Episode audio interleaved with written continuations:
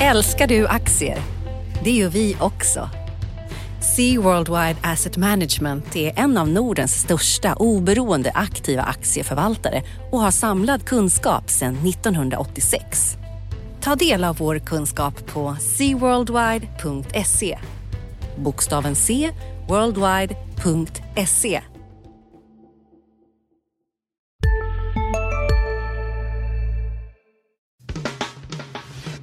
Analyspodden från Dagens Industri. Hej och välkommen till Analyspodden där vi går igenom det viktigaste som har hänt på finansmarknaderna under veckan som gått. Jag heter Viktor Munkhammar, med mig har jag Ulf Pettersson. Hej Ulf! Hallå, hallå! Hallå! Allt väl? Ja, det är bra tack. Eller lite deppig är man väl av lätt insedda eh, skäl. Det är eh, fredag förmiddag när vi står och pratar och eh, Spanien och Barcelona har ju drabbats av terror under gårdagen och natten. Eh, det ska vi prata lite om. Vi ska också prata om eh, inflation, vi ska prata om börs, rapporter och valuta. Men om vi ändå börjar med eh, terrordåden i Spanien ännu en gång. Har du något vettigt att säga om det eller är det bara att deppa ihop? Nej. Ja, det måste ju bli ett slut på något sätt. Alltså det, vi pratar ju mest om finansmarknad och börs och, och, och räntor och lite politik till och från. Men, men, eh, och då påverkar ju ett sånt här dåd inte särskilt mycket egentligen. Det krävs ju något i hästväg för att det ska påverka marknaden. Om vi tar förra Spanien eh, eh dådet eh, som var stort då eh, nere i Madrid, det är väl 2004, så, mm. så påverkade det rejält. Men idag är det ingen effekt. Börsen är ner, men det beror inte på det, utan det beror ju lite på USA istället. Och, Finansmarknaderna och har vant sig helt enkelt? Ja, faktiskt. Man har vant sig vid det här och ska det liksom, jag säger inte att det är uteslutet att det kommer påverkas någon gång, men då krävs det ett dåd som är liksom av en annan dignitet. Nu slår man ju mot de enklaste målen, alltså turister på en på en turistgata. Skulle man liksom smälla ett parlament eller något, då kanske det påverkas lite mer. Men sådana här grejer får vi nog vänja oss vid tills vi har löst det där. Och det är ju inget som du och jag, Viktor, kan göra på en, i en podd här. Men, men på något sätt så måste det ta slut. Jag tänker lite på Baader-Meinhof och sådär. Där lyckades man ju till slut liksom. Ehm, det är ju inga sådana dåd längre, men eh, det tog tid och det här är väl, ja det är svårt men det påverkar inte finansmarknaden även om det är en förfärligt tragisk händelse som gör en upprörd på alla sätt. Okej, ska vi gå över till mer världsliga ting då? Eh, ja. En liten genomgång av viktiga grejer under veckan. Eh, från min horisont, jag håller ju på med makrogrejer mest, så var det ju en stor grej, eh, de eh, inflationsstatistiken för juli som kom här i tisdags. Och där både den underliggande inflationen och KPI, alltså huvudmåttet som Riksbanken än så länge har att hålla sig till, faktiskt steg över målet på, på 2% En bra bit över till och med. 2,4 på den underliggande och 2,2 Eh, på KPI och det var de högsta noteringarna sedan 2009-2010. Eh, ja. Eh, överraskande, en bra bit över Riksbankens prognos och också högt över vad marknaden hade, hade trott. Men är det Säger det någonting om framtiden här eller var det Ja, det är väl, det, det är väl, det, det är väl en, en brasklapp man ska lägga in. Att det var en del tillfälliga faktorer som spelade in här. Sånt här det blir teknikaliteter nu men, men mätmetoderna för charterresor har ändrats så det finns en större säsongsmönster där. I kombination med den här ganska dåliga sommaren så drog det upp mycket. Sen är det lite skattehöjningar som eh, trädde i kraft vid halvårsskiftet som också driver upp det. Och sånt där är ju inget man liksom bygger en varaktig inflationsuppgång av direkt. Så att, eh, förmodligen kommer, kommer inflationen kommer att falla tillbaka lite under hösten. Men ändå förstås en eh, lättnad för, för Riksbanken och det blev ganska rejäla marknadsreaktioner också faktiskt på det här. För eh, Folk börjar liksom luta åt att det kanske kommer höjningar lite tidigare än man har trott. Eh, kronan stärktes ganska ordentligt exempelvis och börsen fick sig en kyss också faktiskt. Eh, där. Så det, var, det var intressant och det följdes upp dagen efter av mätningar av inflationsförväntningarna som visar att de också steg. Uppe på 2% nu även på två års sikt, inte bara fem års sikt. Så att, just nu är det rejäl medvind för Riksbanken kan man säga. Ja, och, och jag tycker överhuvudtaget det har varit mycket makrofokus här. Vi pratar om sista veckan. Du har ju de här i Sverige då som du sa stärkte kronan rejält här. Det var ju 7-8 ören mot, eh, mot euron och den stärktes även mot dollarn. Och sen så offentliggjorde Fed sitt, sitt senaste möte och även, även ECB kommer... kommer Båda de har kommit med protokoll, ja precis. Mm. Eh, och båda tolkades som lite, lite mjuka. Fed, där var de lite oroliga för de här rätt svaga inflationsutfallen som har varit under ja, våren och, och, och början av sommaren. Eh, ECB eh, oroade sig lite för den kraftiga euroförstärkning som har varit sen, eh, sen chefen Mario Draghi höll ett tal i Sintra i Portugal i början av sommaren eh, som tolkades som att ECB håller på att bereda marken för att eh, sluta gasa i alla fall, om än inte precis ställa sig på bromsen. Eh, så det var lite mjuk eh, tolkning eh, av dem, men inga jättereaktioner.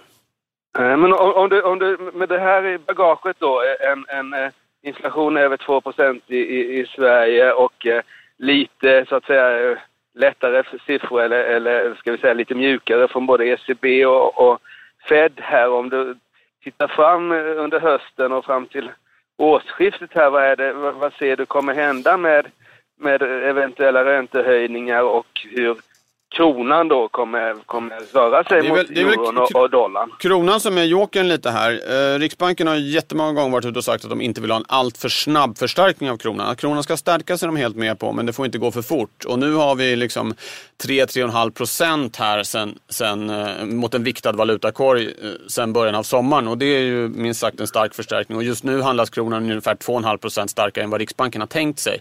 Så det är, väl, det är väl det som jag tänker mig att de kan komma ut och varna lite verbalt för, lite sådär skrämskott till eh, valutamarknaden.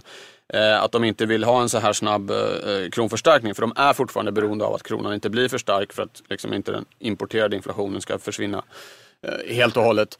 Eh, sen är det väl frågan om, om Riksbanken vågar kasta loss från ECB. Hittills så har de ju liksom följt efter som en, som en eh, jolle efter det här stora skeppet ECB då och inte vågat föra en, en politik som går i en annan riktning än ECB. Och de vill nog fortfarande gärna se att ECB börjar liksom skruva ner ännu mer på sina köp, börjar liksom prata om att den så kallade exit, lämna de här köpen av statspapper och så vidare för att Riksbanken själv ska gå, ska gå vidare med det.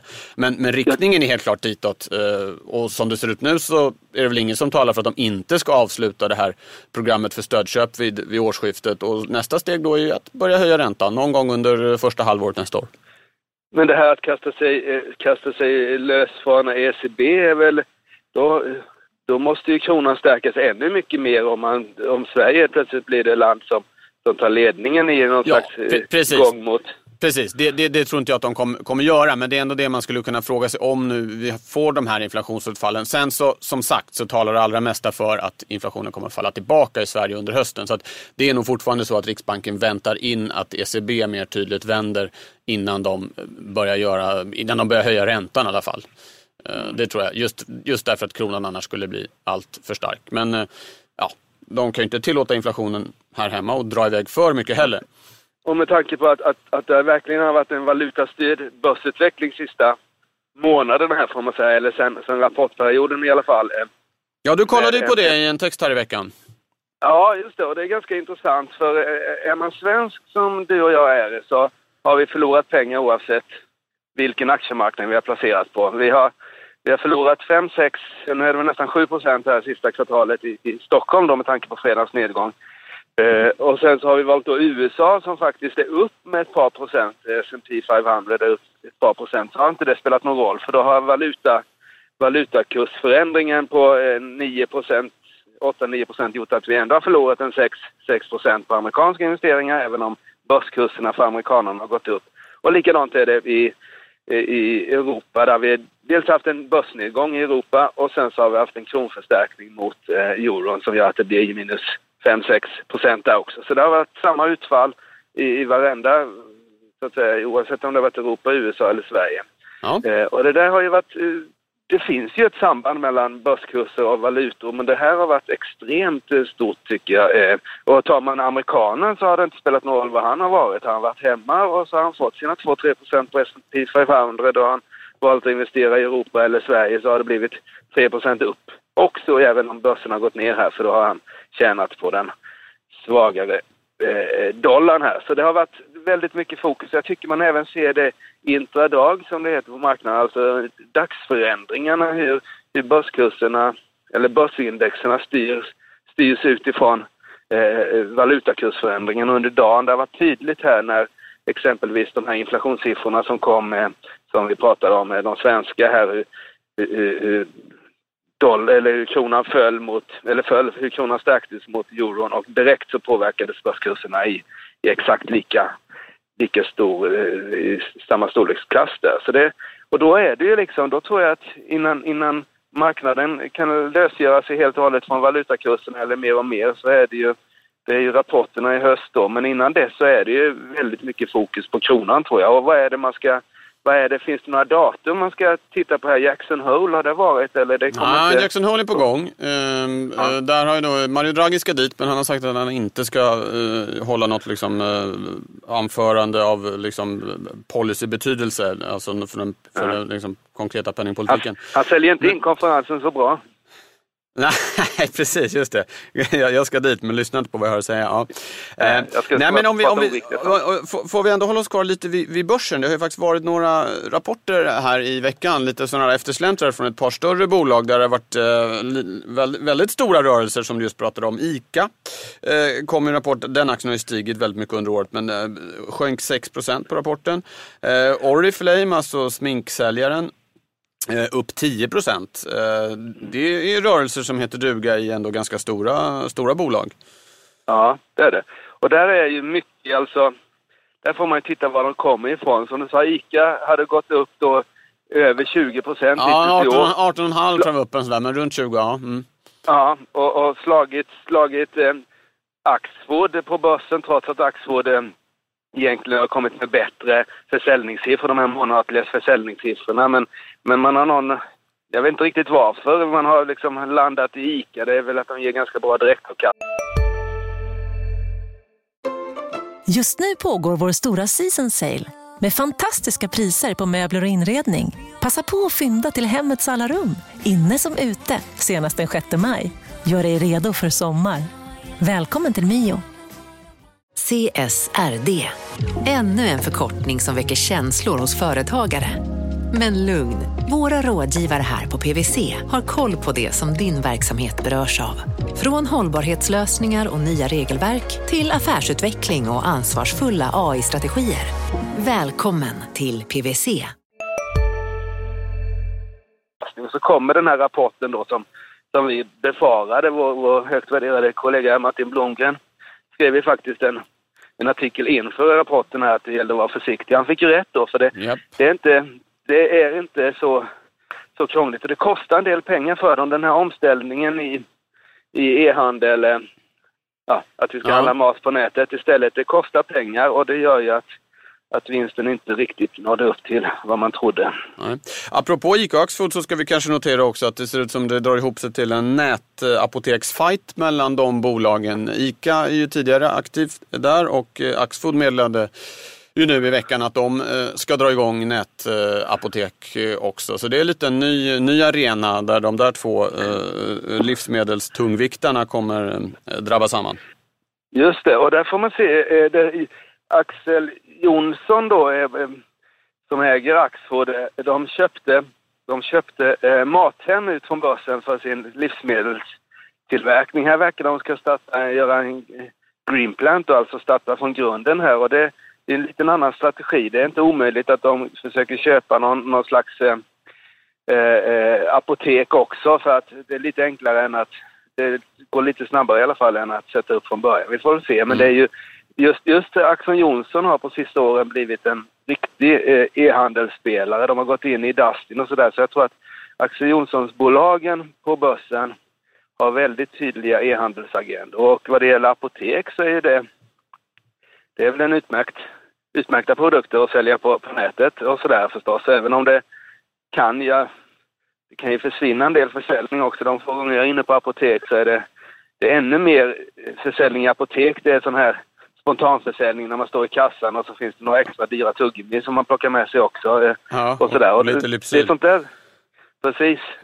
Och det är sånt där som, som inte är så lätt att konvertera till en e-handel och där är ju eh, tricket att, att lyckas med den typen av handel på, på e-handel. Annars är, det, är man ju mer liksom, går man ju som en målsökande robot lite mer när man handlar på, på nätet där. Att man vet att man ska ha den där vad det är, solskyddskrämen eller ja, läkemedlet och sen så blir det inte så mycket mer handel. Men när man köpt det i den fysiska butiken så blir det lite, lite mer sådana grejer. Så det där är intressant och det, det är ju en, eh, den här konkurrensen som alltid har funnits mellan eh, Axfood, alltså Hemköp och Willys och ICA, ICA-koncepten, den, den fortsätter ju även på e-handelsområdet.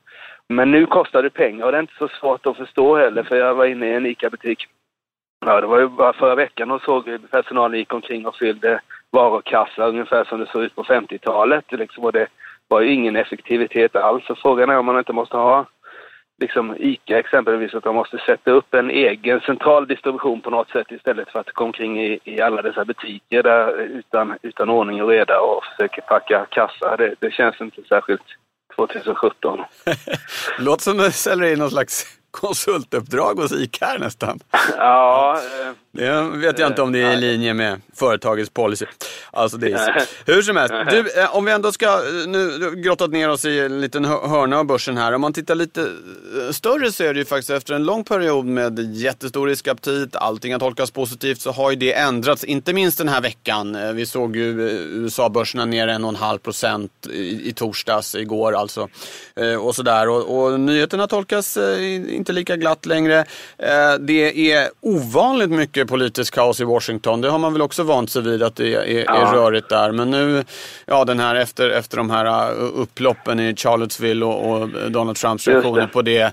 Eh, oro för att Gary Cohn, eh, den här gamla Goldman Sachs-höjdaren eh, som ju är, är, är, tung ekonomisk rådgivare ska ut och, och sådär. Eh, men det är allmänt lite eh, skakigare, skakigare läge på, på, på börsen än vi, än, än vi har sett. Inte minst den här veckan då. Just ja, innan jag gick in i studion här så hade Stockholmsbörsen hunnit öppna 1% ner exempelvis. Ja, det är det. Och det är stora rörelser. Alltså jag har skrivit eh, ett antal artiklar här sista året hur små rörelser det är och liksom de här 1 procents upp eller ner till undantagen. Vi har knappt haft några sådana där. Men nu nu kommer de ju stort sett dagligen de här rörelserna. Man har sett det på VIXen och, och man har sett det nu. Och VIX ska ju... vi säga är ett index som försöker möta volatiliteten, svängigheten. Det kallas ju ibland för skräckindex. När det är väldigt uh, oroligt så stiger det här indexet. Ja.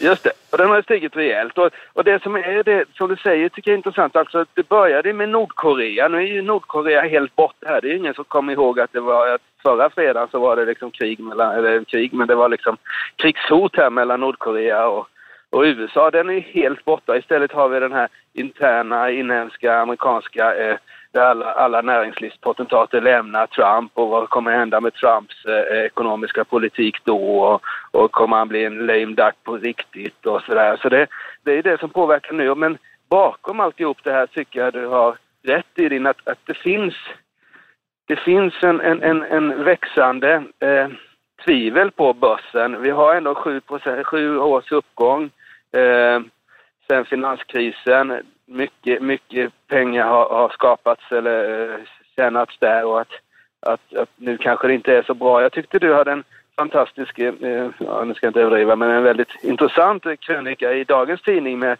de här 30 åren av fallande räntor som vi har haft, eh, som, som inte kommer se ut så. Alltså vi kommer ju inte... Den kapitalistiska världen har ju haft otroligt, otroliga framgångar de sista 30 åren och det kan ju inte bli lika bra med tanke på fallande eller minskad befolkning och, och redan nu nollräntor och sånt där. Jag vet inte hur du ser på ja, det lite längre ja, här, perspektivet. Ja, jo, nej, men det var, det var ett lite större grepp då där, där eh, en forskare vid eh, BIS, eh, som ja, centralbankernas bank kallas det ibland, eh, tror att eh, väldigt mycket av det utvecklingen vi sett de senaste 35 åren med fallande inflation, fallande realräntor, stagnerande löneökningar i framförallt eller, ja, i västvärlden eh, Eh, och så vidare beror på eh, befolkningsutvecklingen. Att eh, 80-90-talet samtidigt som östblocket, för detta östblocket och Kina kom in på världsmarknaden skapade en enorm puckel av arbetskraft i liksom arbetsför ålder. Så det var, fanns hur mycket folk som helst att, att anställa. Tryckte ner lönerna, ökade företagens vinster, man kunde lägga produktion i andra länder. Uh, och nu vänder det här då. Uh, den här pucken, pucken går istället in i pensionsåldern. Det har inte fyllts på underifrån för att fertiliteten har sjunkit. Uh, och då blir det ett läge med istället att vi får arbetskraftsbrist med stigande lönekostnader och stigande räntor och så vidare. Så att ja, hela de här, de här långa, långa trenderna vi har sett ska vändas i sin motsats. Det här är deras mm. hypotes då. Om det blir så återstår väl mm. att se. Exempelvis automatisering och robotisering skulle kunna ändra på det här scenariot och lite andra saker. Men, men visst, det var, det var liksom tankarna som presenterades i den här texten. Som man väl kan läsa på di.se under fredag eftermiddagen tror jag. Just det. Nu har ju folk kommit tillbaka till jobben mer och mer. Vad är det som gäller i nästa vecka? Har du koll på? Ja, det, är det, är, väl no, ja, det är väl några rapporter som eh, ännu inte har kommit va?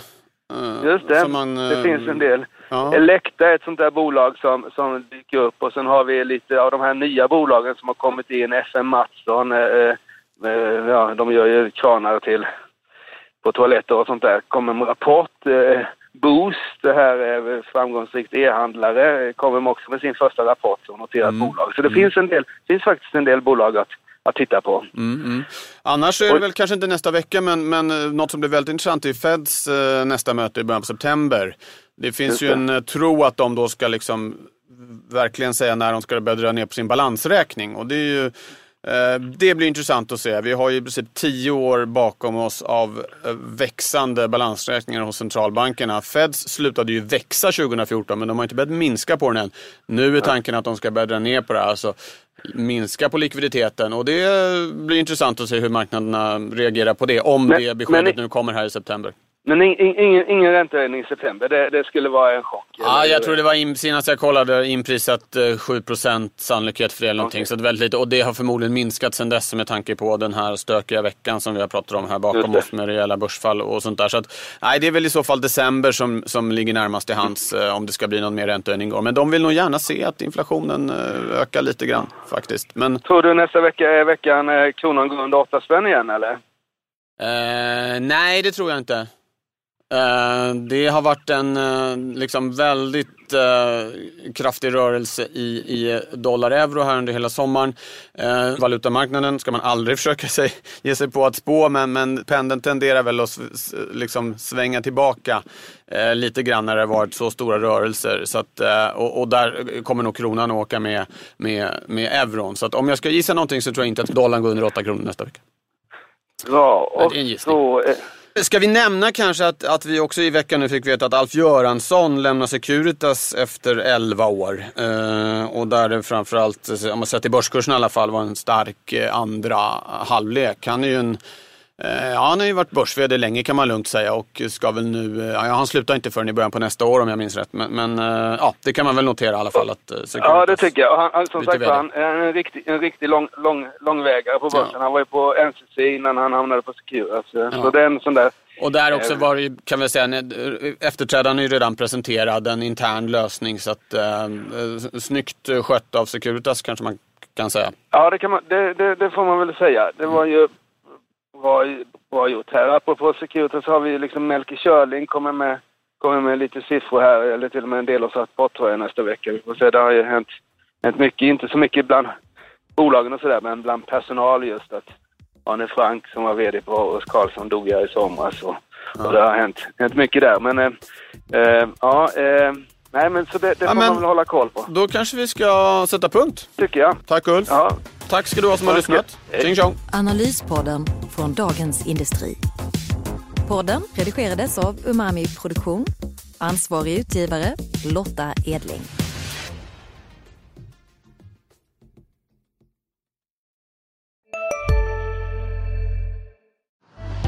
Älskar du aktier? Det gör vi också. Sea Worldwide Asset Management är en av Nordens största oberoende aktiva aktieförvaltare och har samlad kunskap sedan 1986. Ta del av vår kunskap på seaworldwide.se.